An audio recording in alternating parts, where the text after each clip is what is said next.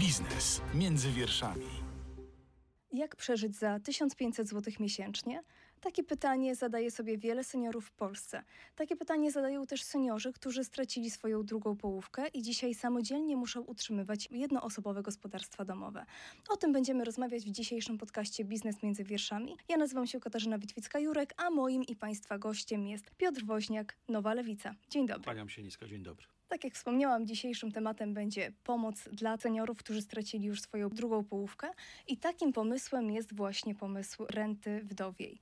I na sam początek będę wdzięczna za wyjaśnienie, czym to tak naprawdę różni się od dzisiejszej renty rodzinnej. Mamy dzisiaj skrajnie niesprawiedliwą sytuację, kiedy dwoje małżonków jest we wspólnocie majątkowej, rozlicza się podatkiem dochodowym przez kilkadziesiąt często lat. Nagle jeden ze współmałżonków odchodzi z tego świata, to dzisiaj mamy oto taką sytuację, że jest możliwość po śmierci współmałżonka wziąć rentę rodzinną, która jednak jest do wysokości 85% uposażenia zmarłego małżonka. Propozycja renty wdowej jest bardzo prosta. Takie rozwiązanie funkcjonuje m.in. na Litwie, w Niemczech, chociażby w Czechach e, u naszych sąsiadów. Propozycja polega na tym, żeby zachować swoje uposażenie emerytalne i wziąć 50% uposażenia zmarłego małżonka. Dlaczego? Dlatego, że ja nie widzę żadnych powodów, żeby nie zauważyć faktu, że przez kilkadziesiąt lat, jeśli wspólne gospodarstwo domowe wspólnie zarabia, wspólnie oszczędza, wspólnie jeździ na wczasy, wspólnie, co ważne, wychowuje dzieci, wspólnie inwestuje, żeby na sam koniec drogi życia te osoby nie mogły korzystać z dorobku współmałżonka. To jest rzecz naturalna. Dzisiaj mamy skrajną niesprawiedliwość społeczną i myślę, że po de facto 34 latach od transformacji ustrojowej Polskę na to rozwiązanie stać. Szacunki są niekatastrofalne, jeśli chodzi o obciążenia budżetowe, bo to jest e, według naszych szacunków około 14, góra 15 miliardów złotych, co wobec 285 miliardów Funduszu Ubezpieczeń Społecznych raptem stanowi 4 5% wydatków, więc to nie jest przerażające. Renta wdowia, absolutnie projekt, który powstał w 2015 roku. Trochę zapomniany w wyniku tego, że lewicy nie było w Sejmie przez 4 lata. Natomiast cieszę się, że dzisiaj startuje właściwie w dwóch odsłonach. Startuje w ramach projektu poselskiego i startuje w ramach projektu obywatelskiego, którym lewica absolutnie jest żywo zainteresowana i włączyła się w zbiórkę podpisów. Myślę, że koniec pierwszego kwartału to będzie ten czas, kiedy pani marszałek Witek przekażemy taką liczbę podpisów podpisów, jaka, jako konstytucyjnie jest wymagana, czyli minimum 100 tysięcy, choć muszę panią redaktor zapewnić, że faktycznie w tych spotkaniach, których ja przynajmniej uczestniczę, na nasze spotkania przychodzą również zwolennicy Prawa i Sprawiedliwości, którzy mówią, to jest świetny pomysł, to jest świetne rozwiązanie chętnie złożę swój podpis pod tym projektem obywatelskim, pomimo tego, że sygnowany jest przy pomocy także Nowej Lewicy. Więc to pokazuje, że jeżeli dzisiaj partia, formacja rządząca. Mieni się przecież jako formacja odpowiedzialna społecznie, to poprzyjcie ten projekt. Ja nie widzę żadnego powodu, dla którego dzisiaj Prawo i Sprawiedliwość nie chciałoby, czy nie mogłoby się zaangażować. Mm. Jest jeszcze ważna cecha tego wszystkiego. Otóż tą ważną cechą przy projekcie obywatelskim to nawet w obliczu tego, że za chwilę mamy koniec kadencji, bo to jest raptem 8 czy 9 miesięcy, to projekt obywatelski może być procedowany tak, w nowej i on kadencji. nie pójdzie w niepamięć. Właśnie. Tak w przypadku projektów projekty, poselskich dokładnie. niestety niestety kończy się kadencja i kończą się, i projekty. kończą się projekty. Tutaj mamy tą możliwość procedowania również. Jestem realistą i zdaję sobie sprawę, że dzisiaj będzie bardzo trudno w tej kadencji Sejmu przeforsować ten projekt, choć jak to mówią, jesień cudów być może nas czeka, idą wybory, więc różne formacje będą miały różne pomysły. Być może ten pomysł będzie także procedowany przez partię rządzącą. Nieważne. Ważne, żeby to było zrobione wzorem tego, co jest u naszych południowych i zachodnich sąsiadów. Do polityki jeszcze z pewnością wrócimy. Ja bym chciała jeszcze nawiązać do tego, jak wyglądają kwestie społeczne, żeby Państwu przybliżyć mniej więcej, jaki los tak naprawdę spotkał dzisiaj seniorów. Kobiety statystycznie, co jest faktem, mniej zarabiają, mniej składkują, odprowadzają do systemu mniej składek składek, dlatego też ich emerytura również jest niższa. Zazwyczaj to kobiety zostają na jesień życia same i same finansują. ZUS podał ostatnio dane, że przeciętna emerytura kobiet wynosi 2248 zł brutto. Wiele pozwala na, na takie myślenie, że, że to właśnie kobiety będą beneficjentkami takiej renty. Nie bez przyczyny nazwa nawet projektu Renta Wdowia, pomimo tego, że to jest oczywiście zamienna, e, dotyczy również wdowców, jeżeli jest sytuacja odwrotna, ale lwia część społeczeństwa, seniorów znajduje się właśnie w takiej sytuacji, kiedy mają e, seniorzy, emeryci czy renciści dwa źródła dochodów, czyli małżonka i małżonki, no to łatwo jest koniec końcem powiązać. Zapłacić czynsz, pojechać na wakacje, czy na krótkie wczasy, czy do sanatorium, e, zapłacić za leki, pójść do lekarza. Kiedy pojawia się problem finansowy, no to kwota, o której pani redaktor wspomniała, chyba nie muszę dzisiaj tłumaczyć, że jest przy dzisiejszej inflacji blisko 20% kwotą, która często wystarcza na 2-3 tygodnie. A i tak wspomnę, miesiąca. że mówię o kwocie przeciętnej. Kwota minimalna 1500 zł, od czego zaczęliśmy dzisiejszy podcast. Dramatyczne to są dane. E, Ja naprawdę nie chciałbym być w skórze wielu seniorów dzisiaj. E, Proszę mi wierzyć, znam wielu i wielu z nich sobie radzi, ale to tylko i wyłącznie z tego, że na przykład kupują używaną odzież, nigdzie nie wychodzą, oszczędzają na lekach, pytają w aptekach o zamienniki e, innych produktów farmaceutycznych. To nie jest dobra droga. Szacunek do seniorów, którzy pracowali często przez kilkadziesiąt lat, to miernik odpowiedzialnego państwa. Jeśli mamy państwo społecznie odpowiedzialne, które stać na wiele innych rzeczy przecież, przecież budżet państwa na wydatki to jest 650 miliardów złotych mniej więcej. No to czym jest 15 miliardów złotych? Wszyscy, którzy powiedzą, że to jest zbyt daleko społecznie posunięty pomysł, odsyłam do tej kwoty. Naprawdę, to jest raptem przy Funduszu Ubezpieczeń Społecznych 4%. A jakość życia około, według naszych szacunków, półtora miliona seniorów może być zupełnie, zupełnie inna. Zasada jest bardzo prosta. Chęć wyboru, nie ustawowego 85% pułapu, do którego można wziąć e, emeryturę współmałżonka, ale chęć wyboru wyższego dochodu dla tego seniora, który pozostaje na świecie. To jest ten life motive tego projektu obywatelskiego, zresztą projektu poselskiego również. I szacunki wskazują, że skorzysta z tego e, Około nawet półtora miliona. półtora miliona Polek i tak. Polaków. Ja jeszcze mam pytanie, bo odnośnie właśnie tych e, liczby beneficjentów, na tej podstawie też oszacowano, że rocznie ten projekt pochłaniać będzie 15 miliardów złotych. To są szacunki na tu i teraz.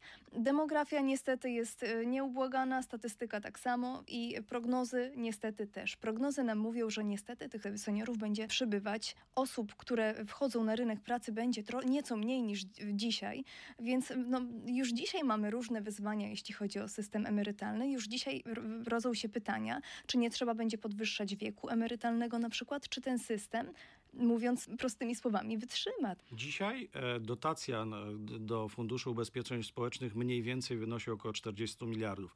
Dzisiaj nasi radiosłuchacze i widzowie powinni wiedzieć, że z ich podatków, z podatków generowanych z ich pracy, rząd przeznacza dotacje na rzecz Zakładu Ubezpieczeń Społecznych w, e, w kwocie około 40 miliardów złotych. Dzisiaj już ten system się absolutnie nie bilansuje z powodów, o których była łaskawa pani redaktor wspomnieć, czyli starzejące się społeczeństwo i leżąca w gruzach polityka demograficzna. Przecież w ostatnich latach mieliśmy dane z Głównego Urzędu Statystycznego, które jasno mówiły, że Polaków rodzi się najmniej, uwaga, od 45 roku, czyli od końca II wojny wojny światowej. światowej. Mhm. To są dramatyczne dane i trzeba sobie też jasno powiedzieć, że o ile program 500, który zwalczył ubóstwo w wielu rodzinach, miał swoje e, plusy nomen omen, o tyle absolutnie jest totalną porażką, jeśli chodzi o demografię.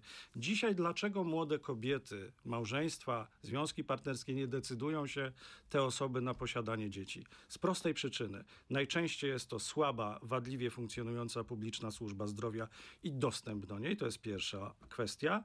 Druga kwestia to jest e, coś, co powoduje, że jest pewien niepokój wśród młodej kobiety, dwudziestokilkuletniej, trzydziestokilkuletniej, która chciałaby mieć potomstwo, ale obawia się, że kiedy pójdzie na urlop macierzyński i będzie chciała wrócić na to swoje stanowisko pracy, to pojawią się za chwilę kłopoty.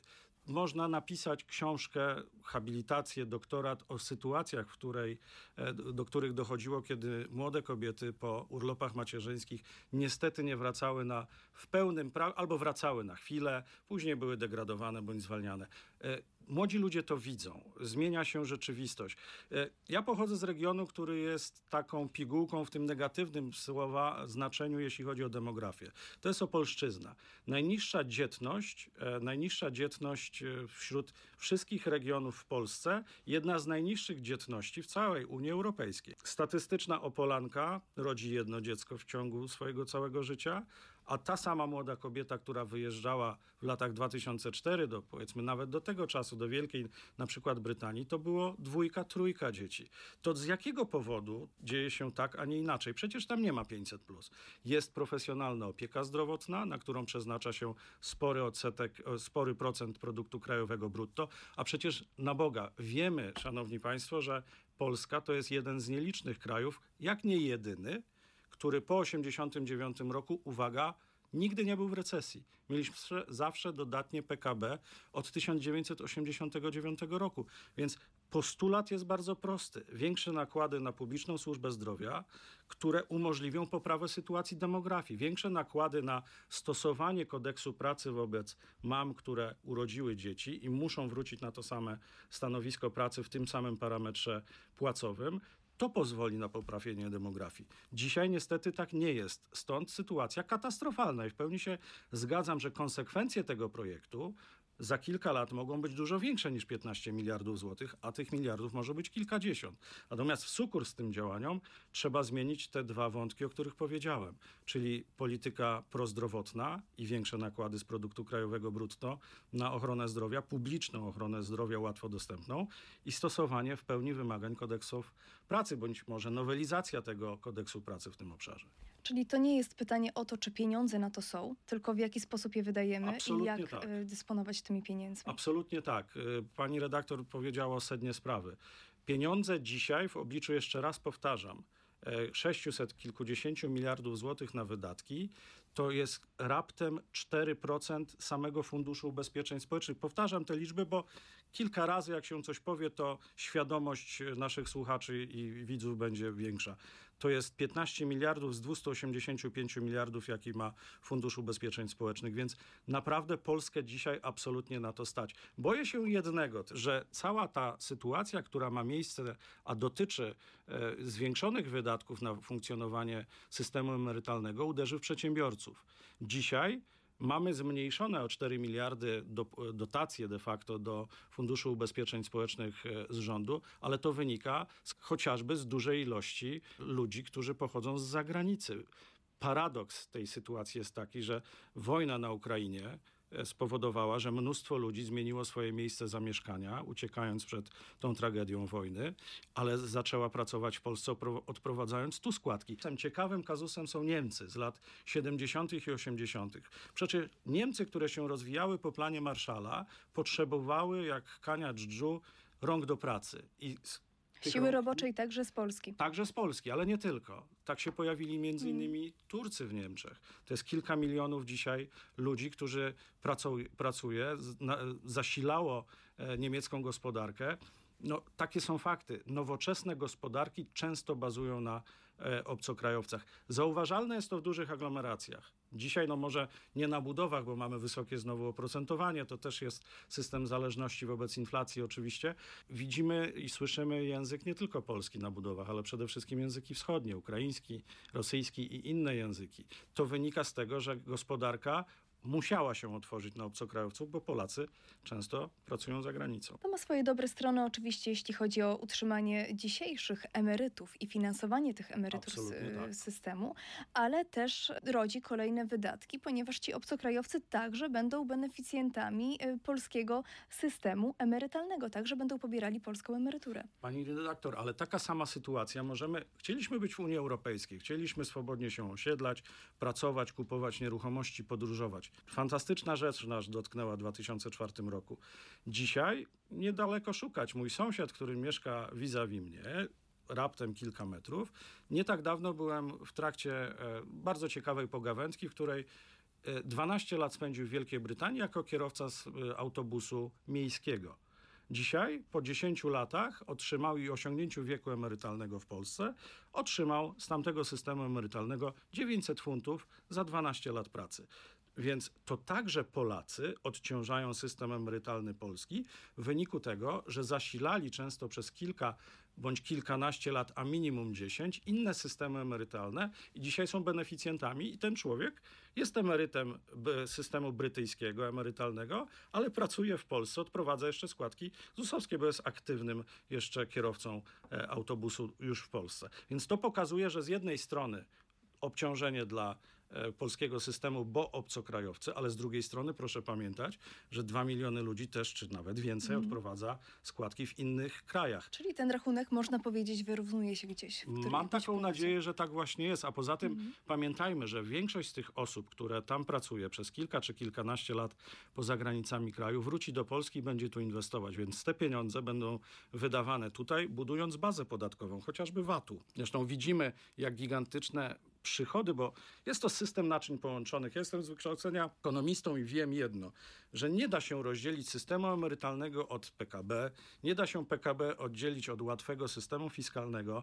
Łatwego systemu fiskalnego nie da się oddzielić od e, po, niskich podatków czy wysokich podatków związanych z VAT-em.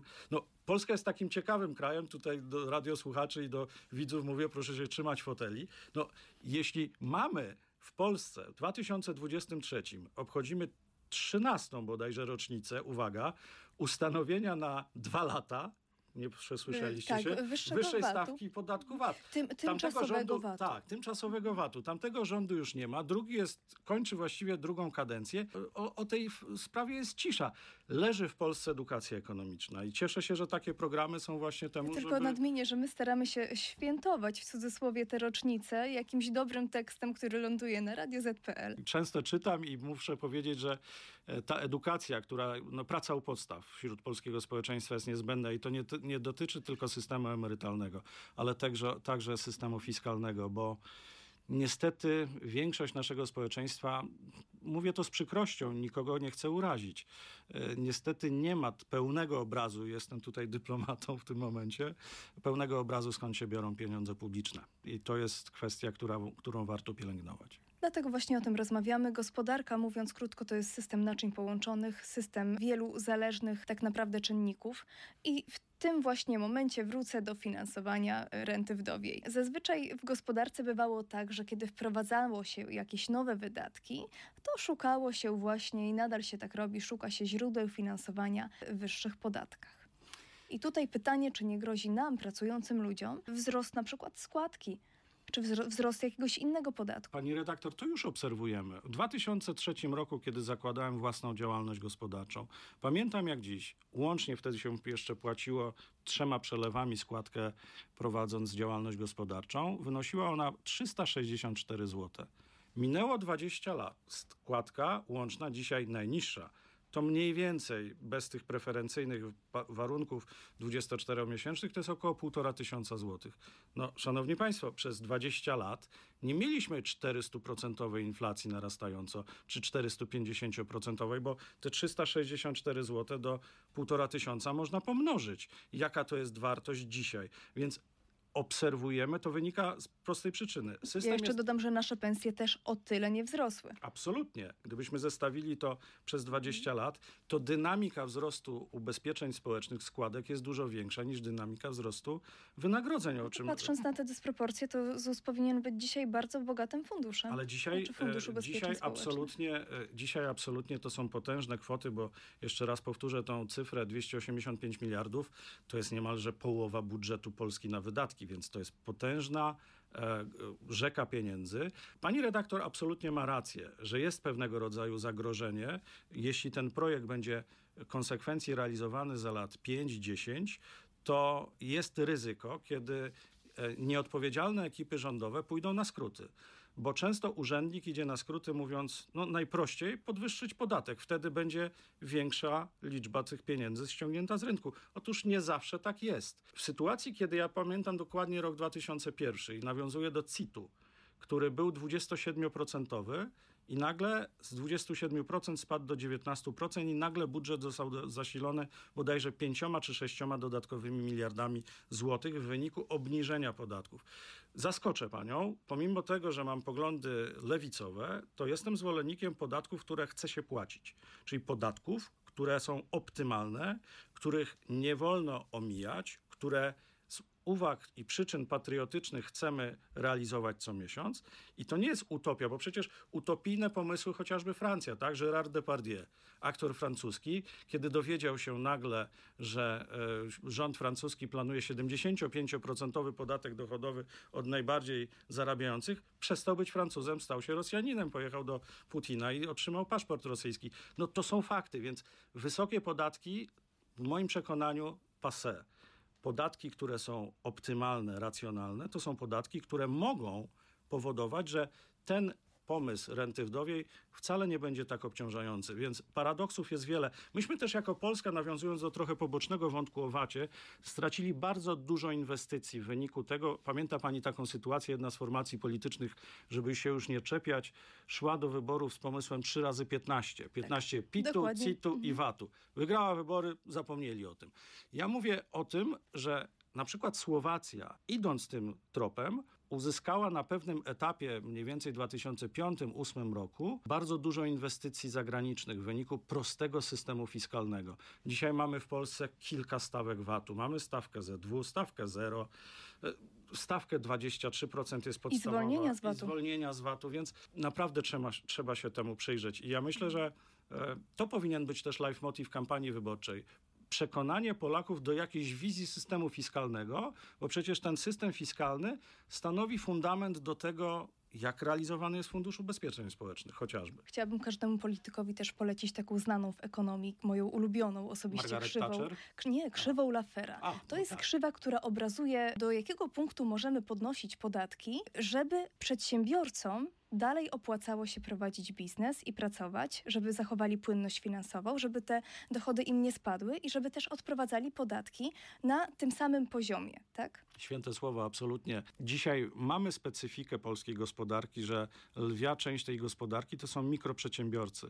Często osoby, które prowadzą jednoosobowe działalności gospodarcze albo zatrudniają dwie, trzy, cztery osoby. To jest dzisiaj potężna grupa ludzi, która obawia się sytuacji, w której się znalazła. Inflacja, drożejące nośniki energii, wzrost płacy minimalnej i wcale nie spadające podatki, wręcz odwrotnie. Zapowiedzi o tym, e, że być może będzie podatek katastralny, czyli nie od wartości nieruchomości. Samorządy, które zostały ograniczone w wyniku zmian przepisów podatkowych, mają kłopoty, więc co będą robić samorządy? Może nie w tej jeszcze kadencji, ale za lat 2-3 będą naciskać rząd, dajcie zielone światło do podatku katastralnego, czyli podatku od wartości nieruchomości, a nie od powierzchni, tak jak jest dzisiaj.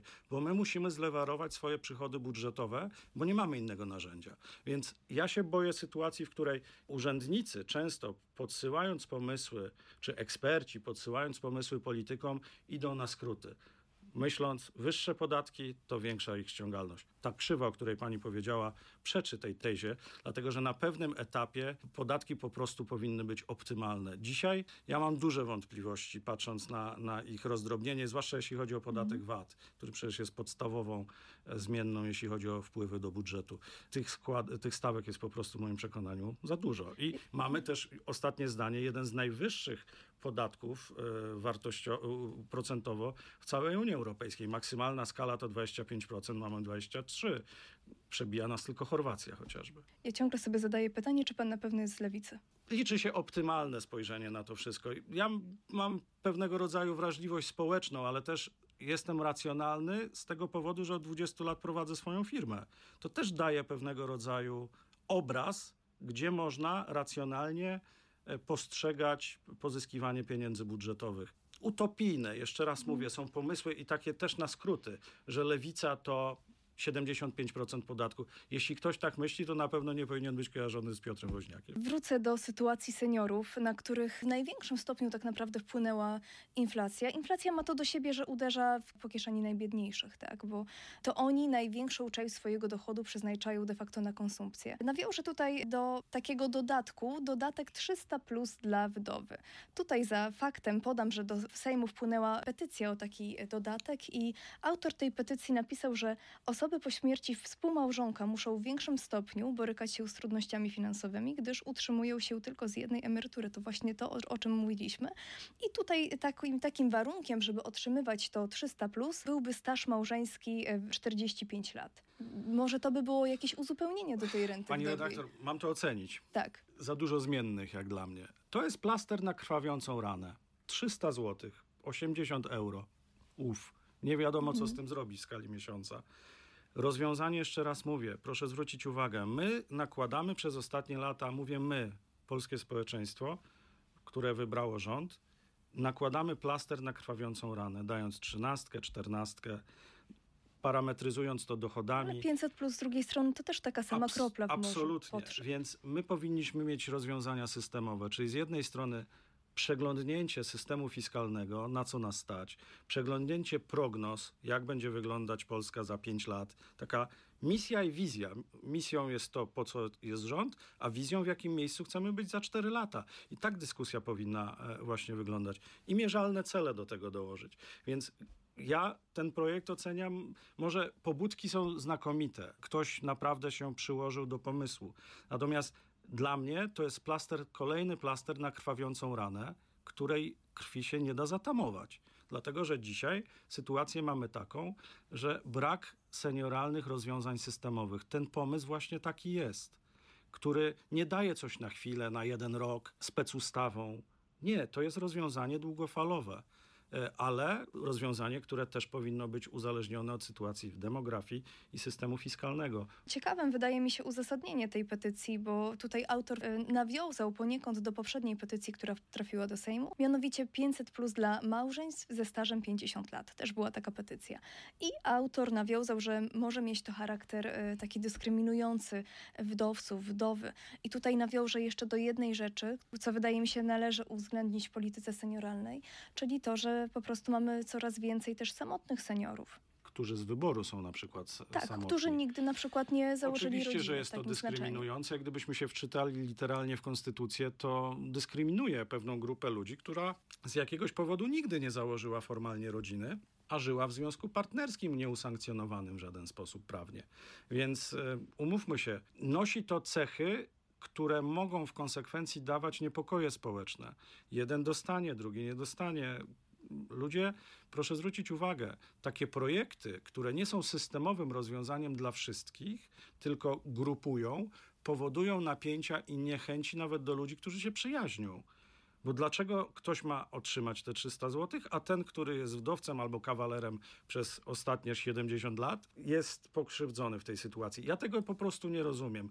Jeszcze raz mówię, e, przykład tego rozwiązania systemowego, które wiąże się z przechodzeniem, z przechodzeniem w ramach renty wdowiej e, tych środków, jest e, najbardziej optymalny i paradoksalnie wcale nie obciążającym, jeszcze raz mówię, dramatycznie e, tego e, funduszu. To, to jest rzecz, która naprawdę dla nie, niezaangażowanego e, emocjonalnie ekonomisty jest rzeczą bardzo prostą. No zestawienie 15, jeszcze raz, proszę wybaczyć, 15 do 285. Polskę po prostu na to dzisiaj stać, w moim Na przekonaniu. dziś, tak. Na dziś tak, za pięć lat, jeśli będą w sukurs temu działaniu wprowadzone te pomysły, o których mówiliśmy, czyli system fiskalny i inne rozwiązania, to myślę, że będzie Polskę stać cały czas. Jeżeli stać na to Republikę Czeską, jeżeli stać na to Litwę, jeżeli stać na to Włochy, które przecież mają olbrzymie kłopoty e, finansowe, już nie mówię, nie porównujemy się do Niemiec, bo jesteśmy gospodarczo w innym miejscu, ale ich mocno gonimy. Naprawdę, przez te 30 lat ten dystans absolutnie się skrócił. PKB per capita w niektórych miejscach w Polsce, mówię o aglomeracjach szczególnie, jest wyższy niż w niektórych landach w Niemczech. Takie są fakty. Więc Polskę na to po prostu stać. Oczywiście są miejsca, których to PKB per capita jest dramatycznie słabe. No nie bez kozery, chociaż w dwa- 2004 roku po- powstał program rozwoju Polski Wschodniej, pięć województw, najbardziej ubogich per capita województw w całej Unii Europejskiej. Ale dzisiaj świętokrzyskie, podkarpackie, Warmia, Mazury zupełnie inaczej już wygląda niż w 2004 roku. Jesteśmy w zupełnie innym miejscu, a poza tym dzisiaj e, mamy pieniądze, które możemy wykorzystywać także z Unii Europejskiej. To jest zastrzyk, nawiązuje tu chociażby do KPO. Do KPO.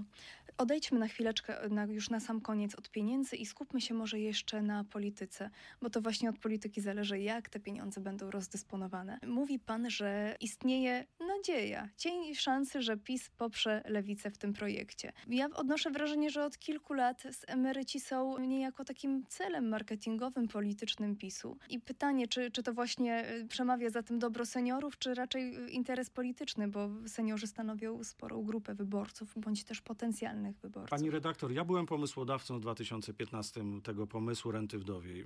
Może to nieskromnie brzmi, ale ja dokładnie pamiętam, co mówiłem 8 lat temu. I naprawdę, w moim przekonaniu, ten projekt to nie jest cyniczna gra przedwyborcza, tylko to jest projekt, który umarł w wyniku tego, że lewica nie dostała się do parlamentu, nie było nas 4 lata i na szczęście odżył w momencie, kiedy chcemy to procedować. Dzisiaj absolutnie ma pani rację. Seniorzy stanowią siłę przewodnią przy każdych wyborach. Znaczy ja wytłumaczę tylko, że nawiązywałam raczej do trzynastki i czternastki, która jest szeroko krytykowana przez ekonomistów, chociażby dlatego, że jej charakter jest niesprawiedliwy, że nie nagradza na przykład ludzi, którzy przez dłuższy czas y, składkowali, bądź też zrezygnowali z wcześniejszej emerytury na rzecz dalszej pracy. Pełna zgoda. E, Ja, to, to są moje pobożne życzenia, e, bo nie widzę żadnego powodu, jeśli ktoś mieni się partią prospołeczną, mówię tu o Prawie i Sprawiedliwości, żeby tego pomysłu obywatelskiego nie poprzeć. Ale mam nadzieję, że od października w nowej kadencji powstanie taka większość rządowa, która będzie odpowiedzialnie do tego pomysłu podchodzić. To znaczy odpowiedzialnie analizując system chociażby fiskalny i te wątki, o których rozmawialiśmy w pierwszej części programu. Bo jeśli tak nie będzie, to niestety ten projekt będzie za 2-3 lata obrzucany błotem przez wielu ekonomistów w wyniku tego, że wzrasta dług publiczny, wzrastają podatki, opłaty, podatek katastralny, etc. Tak? W związku z tym my musimy wiedzieć, że jednocześnie zmieniając funkcjonowanie systemu emer- emerytalnego, nie możemy tego rozdzielić od systemu fiskalnego, zwłaszcza w ujednoliceniu VAT-u, ale także czytelności w odprowadzaniu podatku dochodowego, bo to jest rzecz fundamentalna. Jak się stanie z tym projektem, gdybym miał to dzisiaj realnie oceniać? Pewnie zbierzemy kilkaset tysięcy podpisów, bo tego jestem pewny, że tak się właśnie stanie. To trafi do pani marszałek e, pod koniec, e, pod koniec marca i czy będzie procedowane w gorących miesiącach przedwyborczych? Obawiam się, że niekoniecznie, z różnych powodów, E, ale mogę się mylić. Człowiek jest e, osobą. powodów? Mogę się mylić no, z powodów prozaicznych, tak? Idą wybory, więc może ten pomysł zostać po prostu zauważony przez partię rządzącą i ktoś powie, może to nie jest takie złe, żeby przekonać do siebie wyborców. Nie wiem, głośno myślę. Obawiam się, że takiego scenariusza paradoksalnie nie chciałbym wykluczyć, dlatego że efekt ma być na końcu. Tylko, że Dzisiaj to będzie krótkoterminowe patrzenie. Tu i teraz zrobimy tą ustawę, żeby iść do wyborów z jakimś pomysłem, ale nie będzie tej drugiej nogi. Mówię o przypatrzeniu się, bo to się nie da zrobić w ciągu kilku miesięcy.